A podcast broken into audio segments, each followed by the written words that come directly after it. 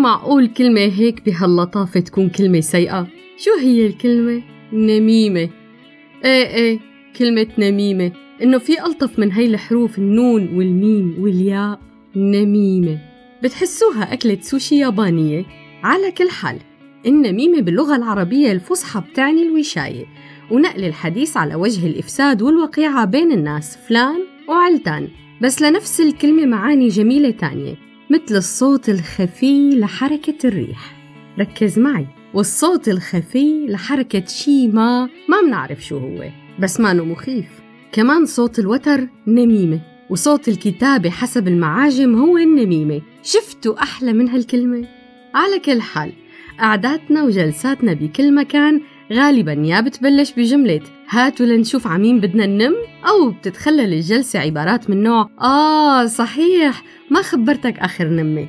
أو خدي على هالنمة رح تدعيلي بتقوم وحدة من الصبايا بتنط وبتجاوبها. لك من وين بدي أدعي لك؟ بدي أدعي عليكي، ما بتعرفي إنه النميمة حرام، فبتلاقي صديقتنا المؤمنة الدواء، وبتجاوبها الثانية، أصبح ما بدك تعرفي شو صار مع فلانة بنت فلان، وشو عملت لما شافت حماتها عند الدكان، وهون بيطير الإيمان أعزائي المستمعين، وبيبطل في حلال وحرام، وبتنسى السرنوة كل درس الجمعة الماضية عند الآنسة عن إنه النميمة. حرام، وبتنط السرنوة لتعرف شو النميمة تبع فلانة بنت فلان.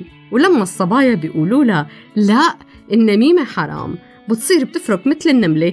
صحيح بالفنجان.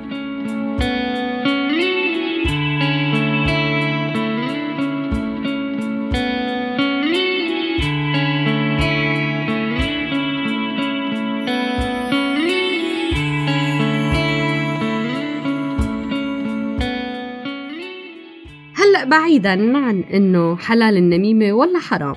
مين منا ما بينم أو بيستمتع بالاستماع للنمائم عن الأصدقاء والأقارب؟ أصلا شو العيد بدون نميمة؟ عن عمتك سميرة. أو خالتك افتكار. إلى شو المشوار المسويّات على شي كورنيش بدون ما نعرف شو صار مع سعيد ومرته بعد ما اتطلقوا لك شو لعبة الورق على الأسطوح بدون حكايات ستك على إخواتها يلي حرموها من الورثة؟ no نميمة نو فن. ولنحسن من كلمة نميمة اخترعنا لها كلمة الشلي. فعمين بدنا نشلي؟ رح أقلكن عمين بدنا نشلي. رح نشلي على الشباب. أها رح أقلكن ليش. هاد يا مستمعينا يا كرام رغم إنه النميمة والشلي دائما مرتبطة بالنسوان لدرجة إنه كتير من الناس بيقولوا بيشلي مثل النسوان. إلا إنه أغلب الدراسات بتأكد إنه الرجال هو الأكثر شليا. هو الأكثر شليا عليه. يعني أعزائي الذكور أنتوا الفاعل هون والمفعول به. هذا الشي حسب نهى الصراف يلي كتبت مقال ممكن يكون ساخر. بعنوان دورة حياة النميمة بموقع العرب البريطاني أونلاين. ويلي أضافت أنه علماء الاقتصاد بيقولوا أنه جلسات النميمة يلي بيشاركوا فيها النسوان تتسبب بخسائر اقتصادية تنحسب بكم كاسة شاي أو قهوة شربت بالقعدة. بس إذا منروح للجد أو الحقيقة مو جد كتير. في دراسة أمريكية من هدول الدراسات الغريبة العجيبة بتقول الدراسة إنه الجر والنميمة إلهم بعض الفوائد الصحية والحياتية عند الإنسان مثل الحد من الإجهاد وتقليل التوتر واعتدال معدل ضربات القلب ومنع السلوك السيء.